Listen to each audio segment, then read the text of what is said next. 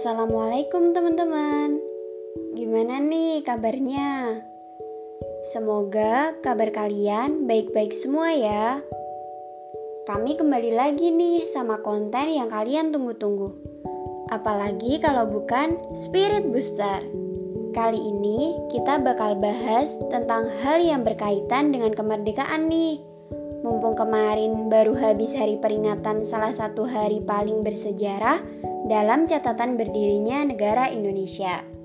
Yap, benar banget teman-teman. Kemarin kita baru saja memperingati Dirgahayu Kemerdekaan Indonesia yang ke-76.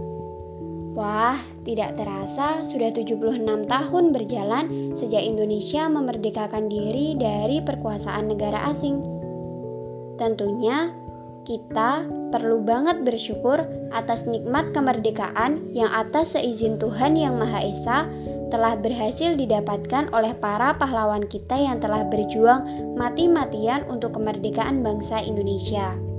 Hmm, bisa dibilang di era modern ini penjajahan yang terjadi bukanlah penjajahan seperti yang terjadi pada masa lampau, yang notabene-nya dilakukan dengan mengandalkan kemampuan persenjataan melainkan saat ini penjajahan menggunakan pemikiran atau invasi intelektual. Nah, teman-teman tahu nggak nih, invasi intelektual dalam Islam dikenal dengan istilah Ghazful Fikri atau perang pemikiran.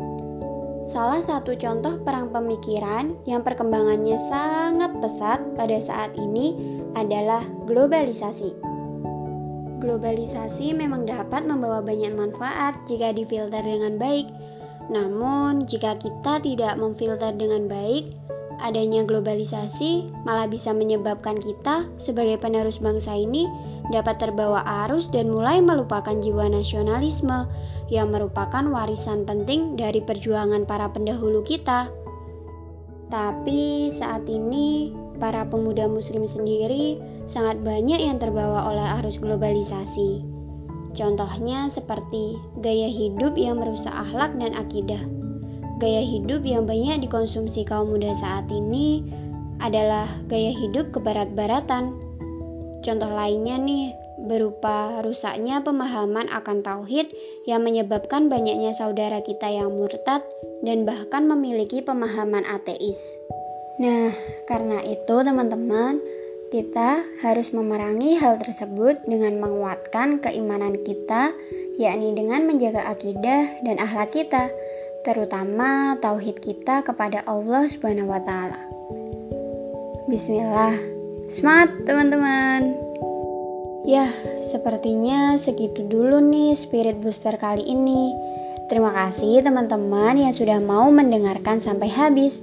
Mohon maaf apabila ada tutur kata yang menyinggung dan stay safe teman-teman. Wassalamualaikum warahmatullahi wabarakatuh.